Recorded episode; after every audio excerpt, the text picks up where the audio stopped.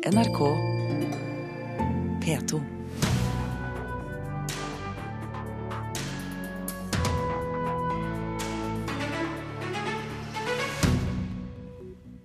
Direktøren for Språkrådet søker ny jobb lenge før åremålet går ut. Hestebøker er ikke spennende lesning for gutter, sier forfatter Erik Fossnes Hansen, som mener kvinner dominerer ungdomslitteraturen. Den svenske kunstneren Lars Wilks skal forsvare Breivik-kunst under et møte i Oslo. Arrangementet bør avlyses, hevder Antirasistisk Senter. En utradering av nynorsken frykter nynorskkommunene etter språkkutt i statsbudsjettet. Dette er sakene i Kulturnytt i Nyhetsmorgen, hvor også Fredagspanelet samles senere i sendingen. Språkrådets direktør Arnfinn Murevik Vonen søker ny jobb som førsteamanuensis ved Universitetet i Oslo. Et signal om at han ønsker seg bort fra Språkrådet, mener den kjente språkprofessoren Finn Erik Vinje. Dette gjør Murevik Vonen bare etter tre og et halvt år i stillingen, selv om eh, stillingens åremål varer til 2017. Jeg syns det er utrolig morsomt å tenke på muligheten for å være med og utvikle og videreutvikle en eh, språkpolitikk som, eh, som er helhetlig i dette landet. Det sa Arnfinn Murevik Vonen til Kulturnytt da han i februar 2011, for tre og et halvt år siden, ble presentert som ny språkdirektør. Den viktigste stillingen i norsk språkliv, som daglig arbeider med å styrke det norske språkets status og bruk på alle samfunnsområder. Det er virkelig en jobb som jeg gleder meg til å ta fatt på. Men nå, to og et halvt år før stillingens åremål utløper, har Vonen søkt en ny jobb som førsteamanuensis innen allmennlingvistikk ved Universitetet i Oslo. Han ønsker ikke å bli intervjuet, men han bekrefter at han har søkt ny jobb, og sier dette til NRK. Den stillingen som er utlyst ved Universitetet i Oslo, er den første faste vitenskapelige stillingen innenfor mitt fagfelt på flere år, mens direktør for Språkrådet er en åremålsstilling. Utover det vil jeg ikke kommentere noe nå, midt i ansettelsesprosessen. På spørsmål om hva som skjer om han får den nye jobben, svarer han Det blir et hypotetisk spørsmål, men jeg er i utgangspunktet ikke interessert i å forlate Språkrådet. Ja, men han, eh, når han altså søker en annen stilling, eh, og bort fra den han har, så er det klart at det gir jo signal til omverdenen om at nå er jeg liksom fullført, nå orker jeg ikke mer, nå skal jeg søke noe annet som gir større trygghet. Det sier språkprofessor Finn Erik Vinje. Han mener heller ikke Vonen har gjort en god nok jobb. Det inntrykk han etterlatt seg, det er at han har vært en svak direktør. Han har ikke noen profil, han har ikke fått noen kjent navn. Og alt dette er minus ved en person som da skal dekke en sånn stilling. Vonen selv ønsker ikke å kommentere kritikken.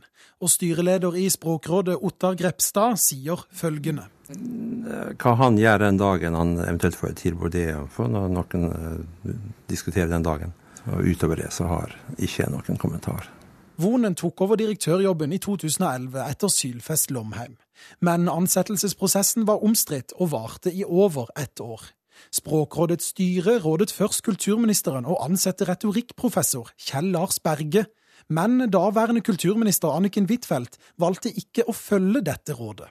Dermed trakk fire av sju styremedlemmer sine verv pga. uenigheter om ansettelsesprosessen. Jobben ble så lyst ut på nytt, og Vonen ble ansatt. Men nå, tre og et halvt år etter, kan det være styret må begynne å speide etter en ny språkdirektør. Reporter Christian Ingebretsen. Kulturminister Toril Vidvei er eh, statsråden med størst formue. I skattelistene fra fjoråret står Vidvei oppført med nesten 3,4 millioner kroner i formue. Dobbelt så mye som statsminister Erna Solberg, som har nest mest i formue. Forfatter Jon Nesbø hadde et godt år i fjor, og er Norges desidert best betalte forfatter ifølge skattelistene. 38 nordmenn står oppført med mer inntekt enn Jon Nesbø i fjor. Nesbø tjente over 36 millioner kroner og hadde ved årsskiftet en formue på over 150 millioner kroner. Forfatter Jon Michelet og pondusskaper Frode Øverli følger som nummer to og tre på listen over de best betalte forfattere i en liste VG har laget. I Sverige har kunstner Dan Park provosert med bilder av lynsjede afrikanere, hakekors og av terroristen Anders Behring Breivik. Han er også blitt dømt for rasisme. Neste uke kommer en annen svensk kunstner, Lars Wilks, til Norge for å forsvare Parks bilder på et arrangement som holdes på Deichmanske bibliotek i Oslo. Møtet bør avlyses, mener Antirasistisk Senter. Folk blir krenkt av altså, typ, even på altså, nakne kropper på homoseksuelle også. Så det, det er mye man kan bli krenkt av. Folk blir krenket av alt mulig, sa Dan Park til Sveriges Radio under rettssaken mot ham i august, der han var tiltalt for bl.a. å ha laget et bilde som viser tre afrikanere med hengeløkker rundt halsen. Den svenske kunstneren ble dømt til seks måneders fengsel for hets mot en folkegruppe. En feilaktig dom, mener kunstnerkollega Lars Wilks. Han er jo ikke verken nazist eller rasist.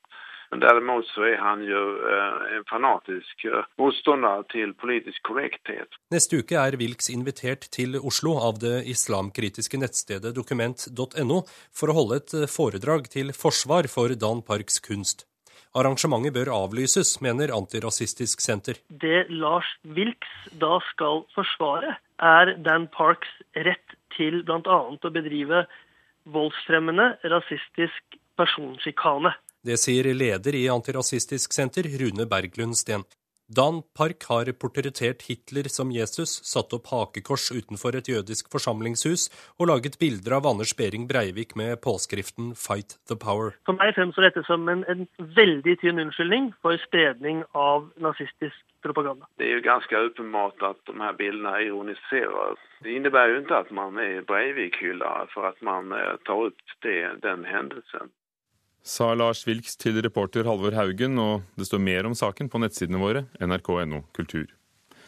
Forfatter Erik Fossnes Hansen reagerer på kjønnsbalansen i ungdomslitteraturen. Denne høsten kårer avisen Dagbladet tidenes beste ungdomsroman, og i juryen på ti sitter bare to menn. Et godt eksempel på problemet i Norge, sier Erik Fossnes Hansen. Jeg syns det er en veldig skjevhet i eh, kjønnsfordelingen her mellom kvinner og menn. Forfatter Erik Fosnes Hansen reagerte da han så et bilde av juryen på Dagbladets nettsider. Han mener bildet er et eksempel på kjønnsfordelingen i ungdomsbokbransjen, og at dette også preger ungdomsbøkenes innhold. Fosnes Hansen mener at tematikken i bøkene preges av typiske jentetemaer, og at for å få opp leselysten hos unge gutter, må bøkene ha mer spenning og action. Det er et veldig stort flertall av kvinner, og ikke noe galt med det, men eh, jeg tror at for å få gutter til å lese, så må man også være veldig bevisst på at gutter kanskje i en spe spesielt i en bestemt alder ønsker seg en annen type bøker enn jenter eh, ønsker seg.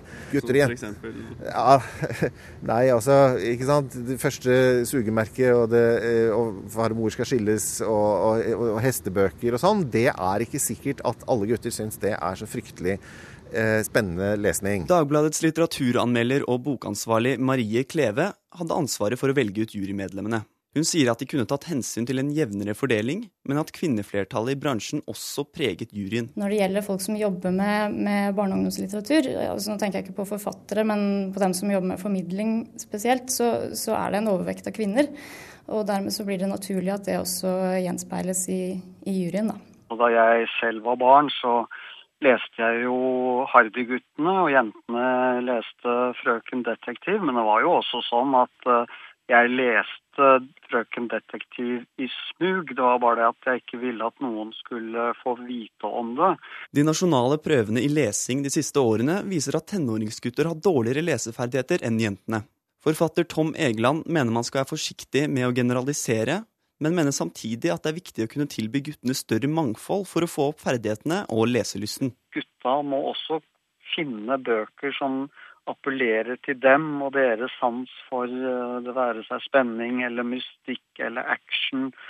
Uh, og, og, så det er vanvittig viktig at uh, tilbudet av bøker er bredt og rikt. Redaksjonssjef Ylendal, Eva Thesen, syns at boktilbudet til unge er nettopp bredt og rikt. Hun er uenig i at kvinneflertallet i bransjen preger bøkenes innhold. Jeg er vel egentlig ikke enig i det. Jeg syns ikke uh, det er så mange av uh, bøkene våre som dreier seg om uh, relasjoner og drama og den biten der. Jeg syns det er mange som, som er enten morsomme eller spennende. med grøss eller science fiction eller den litt mer sånn reinspikka spenningslitteraturen. Og reporter var Jarl Nymo. 13 minutter over åtte dører på Nyhetsmorgen i NRK. Overskriften i dag. Kjell Inge Røkke er den rikeste personen i Norge. Det viser skattelistene som blir lagt ut i natt. På andreplass kommer 19 år gamle Katarina Andresen, datter til Johan H. Andresen, som eier Ferd-konsernet. Mer enn 60 norske helsearbeidere kan bli sendt til Sierra Leone for å hjelpe til med ebolabehandling. Flere typer privatskoler tillates, men det skal fortsatt ikke være lov å tjene penger på dem. Det kommer frem av regjeringens forslag til friskolelov. Og nakenhet er et av temaene i Fredagspanelet som samles om litt her i Kulturnytt. Nynorskorganisasjoner er provosert over regjeringens forslag til statsbudsjett. I dag sender flere nynorske organisasjoner en liste med sine krav til regjeringen og stortingspartiene. Forslaget om å stryke støtten til landssammenslutningen av nynorskkommuner er noe av det som vekker mest forargelse. Jeg vil jo si det så sterkt at dette er jo på en måte en utradering av nynorsken. Solfrid Borge er opprørt etter å ha lest regjeringens forslag til statsbudsjett. Hun er styreleder i Landssammenslutningen av nynorskkommuner, en organisasjon som jobber med å styrke nynorsken i Kommune-Norge. I år får organisasjonen over én million statlige kroner for det arbeidet, men i statsbudsjettet for 2015 er støtten til organisasjonen strøket. Det er på en måte en ny retning fra regjeringen, at de ikke skal legge til rette for begge målformene. Eh, og da eh, opplever en det slik at de fjerner nynorske. Regjeringen mener at en organisasjon som har 103 av landets kommuner og fire fylkeskommuner som medlemmer, bør kunne finansiere virksomheten sin selv. Dette er en prioriteringssak, skriver statssekretær Bjørgulf Borgenvåg i en e-post til NRK. Det er flere grunner til at det er stor misnøye med regjeringens forslag til statsbudsjett hos nynorskorganisasjonene. Flere mener at det samlede nivået på støtten til nynorsktiltak er for lavt, og at regjeringen ikke er tydelig nok på at den ønsker å likestille bokmål og nynorsk. Tonen i budsjettet er prega av eh, mer sånn avgrensing enn muligheter eh, i tenkinga og argumentasjonen. Vi finner ikke formuleringer i eh, kulturbudsjettet om språklig likestilling. De har stått der eh, hvert år tidligere. Det sier Ottar Grepstad i Nynorsk kultursentrum.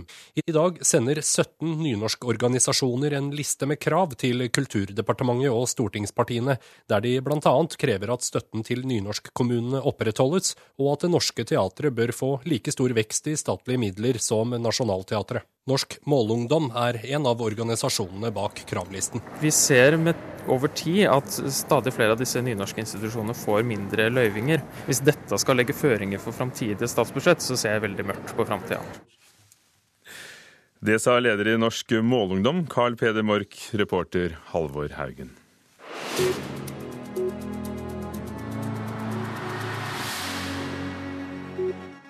Fredagspanelet er samlet i Kulturnytt, og jeg begynner i alfabetisk rekkefølge etter fornavn. Audun Molde, førstelektor Westerdals høgskole, velkommen. Takk. Karin Kristine Blågestad, kulturredaktør i Fedrelandsvennen, hei i Kristiansand. Hei, hei. Og Marit Moe Maune, regissør. Hei. Første spørsmål. Tjenesten Snapchat gjør at eh, vi kan sende bilder som bare vises i noen sekunder hos mottakeren. Det har mange gjort, også mindreårige også av seg selv uten klær. Problemet er at nå går det an å lagre dem, og at en guttebande, som NRK har avslørt, har klart å få tak i disse bildene ved å hacke noe som heter Snapsaved, hvor de da lagrer Snapchat-bildene. Og dermed er de blitt tilgjengelig for alle som gidder å finne frem på nettet. Bør folk la være å sende nakenbilder til hverandre hvis de ikke liker at det kan bli offentlig etter hvert? Karen? Eh, ja. Audun? Ja. Marit? Ja. Jeg har slutta fullstendig med det. Samtidig, Karen Kristine Blågestad, dette er jo private bilder, og vi må jo stole på at uh, at de blir tatt hånd om, at folk ikke stjeler dem? Enten om de er digitale eller polaroidbilder? Nei, det må vi jo ikke. Vi kan jo ikke stole på internettet. Det burde vi ha lært nå, det burde vi vite. Og dette er vel barn da som Det er vel mye barn som driver med Snapchat, så de vet vel ikke bedre og ser ikke helt rekkevidden av eh, hva de gjør. Men det er jo utrolig ubehagelig at uh, bilder av en selv eh, lett avkledd og naken brukes i sammenhenger en ikke har oversikt over. Så en, foreldre må jo passe litt på, det er jo utrolig ekkelt. Er det foreldrenes ansvar? Ja, det er jo det. Det er jo de som må passe på sine barn, eller prøve å røkte og vokte og guide og lede litt nettbruken og nettvettet.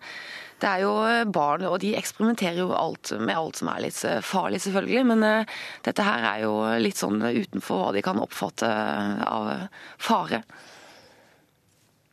Ja, Det er et litt opplagt spørsmål at vi skal passe oss. Men men jeg tror at vi har jo hatt en diskusjon nå om foreldrekontroll av nettet, og jeg har sjøl barn på 18 og 19 år. Eh, du kan ikke gå inn direkte som all annen atferd som handler om drikking, Eh, alt mulig man vil være forsiktig med tenninga, så kan du ikke gå inn og styre det direkte på den enkelte sak. Det er mye mer, det må ligge i forkant av det hvordan du på et vis tar vare på deg sjøl. Eh, og så styre bruken deres, det tror jeg helt, helt Da tror jeg vi bare kan gi opp med en gang, for vi vet på et vis ikke deres atferd så godt som vi skulle ha ønska. Men det er klart at um, folk må, voksne folk gjør jo også det der. Da blir det komisk. Når barn gjør det, så er det tragisk. Mm. For noen år tilbake så definerte norske myndigheter eh, digital kompetanse som en basisferdighet i skolen, på samme måte som kunne lese og skrive og regne og sånn. Og, der er det nok en del igjen å gjøre. For Dette er en digital basisferdighet, å vite at du ikke skal legge ut nakenbilder av deg selv på nettet. Eh, og Det er jo utrolig naivt til 2014 å tro at man kan ta sånne bilder og laste opp på nettet uten at noe kan skje. Eh, men problemet her er vel at eh, ingen skjønte at de la det ut på nettet. Man sendte det til noen som skulle få se det i noen sekunder. Kanskje det, en kjæreste, noen du vil imponere? Det er også utrolig naivt. Og hvis du vil imponere noen, så tror jeg personlig frammøte er å foretrekke. Jeg, er faktisk sånn at jeg har så respekt for nettet at jeg er forsiktig med hva jeg skriver på, på, på nettet generelt i, i vanlig, vanlig mail. Fordi at man Jeg har opplevd at plutselig ting jeg har skrevet, har blitt sendt ut via en, ja, en sånn virus for noen år siden. Mm. Så klart at generelt så skal man passe på all kommunikasjon. Uh, når jeg da skriver respons om skuespillere eller andre ting som da blir sendt til kollegaer meg og andre jeg kjenner, så er det klart at det er skummelt i seg sjøl. Og vi skal vite at de der ungene nå og det, her, det, det, her er skikkelig invaderende, og det er skikkelig farlig for den psykiske helsa å bli utlevert på det viset der. Eh, så det er ganske alvorlig. Karen?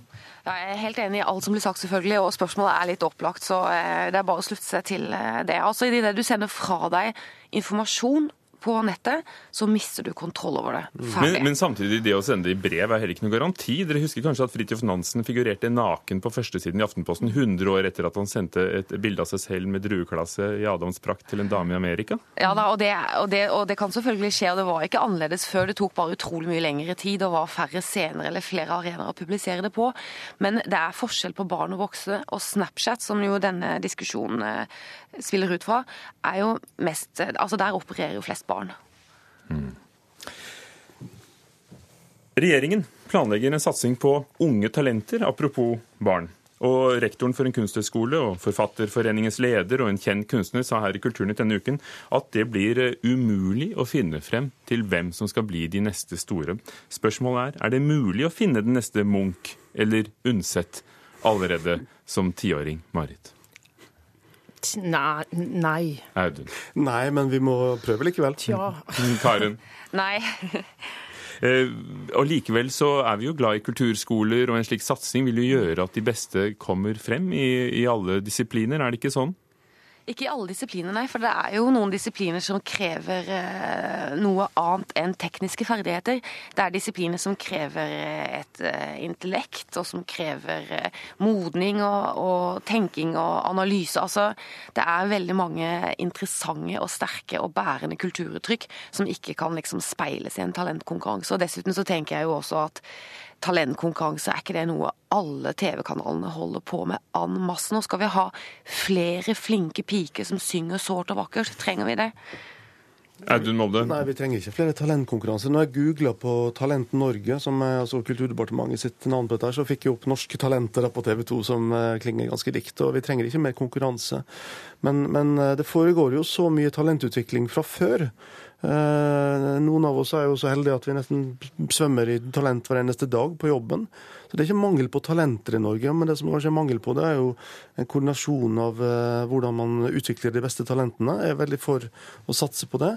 Uh, og, og, vi trenger selvfølgelig uh, ressurser til det. Men hvordan disse 30 millioner i Talent Norge skal brukes, det vet vi foreløpig ingenting om. Så det er veldig vanskelig å, å, mene så mye om det. Jeg håper ikke det blir en konkurranse eller en ny organisasjon eller et nytt byråkrati, men at det blir midler som kan komme Det er nettopp nå du bør mene noe om det. Ja, men da, da mener jeg at dette bør komme til gode de virksomhetene som allerede foregår. Jeg syns det er veldig rart at de kan bevilge 30 millioner kroner allerede i 2015 til noe som er så lite utredet utredet, ja. og som har et så åpent mandat og sånn. For når du spør eh, Vidvei om hva, hvordan de egentlig skal løse denne oppgaven og sånn, så er hun helt sånn uh, vag på det, og det blir veldig opp til uh, de som skal styre Talent Norge og sånn. Så jeg syns det, det virker som en enorm sånn uh, satsing på noe i helt løse luften. 30 millioner kroner er ganske mye penger i Kultur-Norge, altså. Marit vil gjerne si noe. Ja, jeg, Nå var jeg på Olympiatoppen sin prestasjonskonferanse, som er da et møte mellom eh, Norsk Opera, eh, Operaen eh, og eh, NTNU, som er et eh, universitet som virkelig har vist seg å kunne få frem nobelprisvinnere også. Og Det var da en konferanse hvor og Det er derfra altså Kulturdepartementet har inspirasjonen sin. Det er veldig veldig viktig å si, fordi at vi har en kulturminister som også er en sportsminister. så det vil si at Herfra har da påvirkninga kommet. Og Olympiatoppen er noe helt annet enn å dra frem 13-14-åringer. Olympiatoppen er å ta vare på folk som er i spranget, i toppidretten her og nå. Det vil si de er litt eldre enn 14-åringen, eh, og de trenger definitivt den oppfølginga for å kunne stå i skadesituasjoner, stå i psykiske situasjoner, nærmest ligge i hoppet, i svevet. Og Jeg har sett selv i arbeidet mitt, jeg har nettopp vært og jobba på Nasjonalballetten som regissør, jeg har sett i arbeidet mitt hvordan danserne derfra kan hente fra den ressursen et sånt toppidrettssenter er. Men det er en helt annen diskusjon enn å satse på 14-åringen. Jeg må sjøl kunne si noe som 50 år gammel regissør med lang karriere at jeg hadde et visst talent. Jeg var et talent det var helt umulig å oppdage når jeg var 14-15 år. Og jeg tror En av grunnene var at jeg har valgt meg en kunstform som er en lagidrett, dvs. Si teatret. Og det er viktig å differensiere mellom den individuelle eh, utøveren, dvs. Si det skrivende mennesket. Jeg tror definitivt man kan oppdage en skrivende talent som 14-15-åring. Og jeg tror definitivt at det har vært deilig for dem å ha hatt et fora og et sted å være. I teatret så er det rett og slett snakk om å få muligheter. Og på prestasjonskonferansen bare for å si noe om det, så var det mye mindre snakk om sånn toppsatsing enn det kanskje Kulturdepartementet oppfatta. For det det var snakk om der, var hvordan kan et land som Island dyrke frem så mange talenter når de er så få? Og hvordan kan det islandske herrelandslaget komme til finalen i EM når det bare finnes 380 aktive håndballspillere på Island? Det handler om muligheten til å få utøve. Og Det er også grunnen til at Verdal har dobbelt så mange skuespiller, profesjonelle skuespillere som en by som Trondheim. Hmm.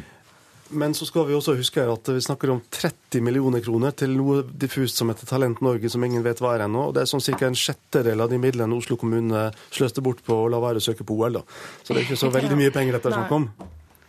Karen? Ja, nei, Jeg syns dette er mye penger på noe som virker uh, veldig uh, i løse luften foreløpig. Og jeg vet jo ikke Det er mulig at uh, det er rett at, at, vi hadde trengt et sånt toppsjikt av kulturutøvere og kunstnere og sånn, og at de fikk litt ekstra pleie og oppfølging og sånn. Det er jo ikke noe imot det, men det virker jo som dette Talent Norge skal, skal slå inn litt tidligere i ja, det er, ja, ikke sant? Og jeg bare syns det virker så løst tuftet ennå. Jeg kan ikke forstå at man kan bevilge 30 millioner kroner til noe som er helt åpent. Og da lar vi det ligge der, og så tar de med seg kraftsalvene som kom her. For vi skal ha noen minutter på siste spørsmål, som også er hentet fra ukens nyheter. For regjeringen skal selge Filmparken på Jar, har de bestemt. Det er de historiske filmstudioene som ble bygd til Norsk Film AS, og hvor veldig mange norske filmer er tatt opp. Filmbransjen krever at staten beholder stedet. Bør de likevel selge, Karen? Og veldig usikker på denne, men nei. Audun? Jeg er veldig usikker på denne, men nei. Et klart nei fra meg. Fordi? Eh, jeg har sjøl nettopp laga en TV-serie, 'Kampen for tilværelsen', hvor vi da mangla studio i Oslo. Og det som skjer, nå, Dette er snakk om Oslo-filmbransjen, bare for å si det. Det er et levende filmmiljø ellers i landet. Men eh, det er helt klart at JAR over mange år er bygd ned. Man har det man har gjort, da, for den som ikke vet noe om filmbransjen, så er det sånn at man har bygd ned det som et verksted og infrastruktur på JAR gjennom mange år, som gjør at jeg snakka med filmprodusenter i går som sa at vi velger å reise ut eller til andre steder, eller bygge opp egne studioer i Oslo. Og Det gjorde også vi med Kampen for tilværelsen. Vi bygger opp et eget studio på Voldsløkka.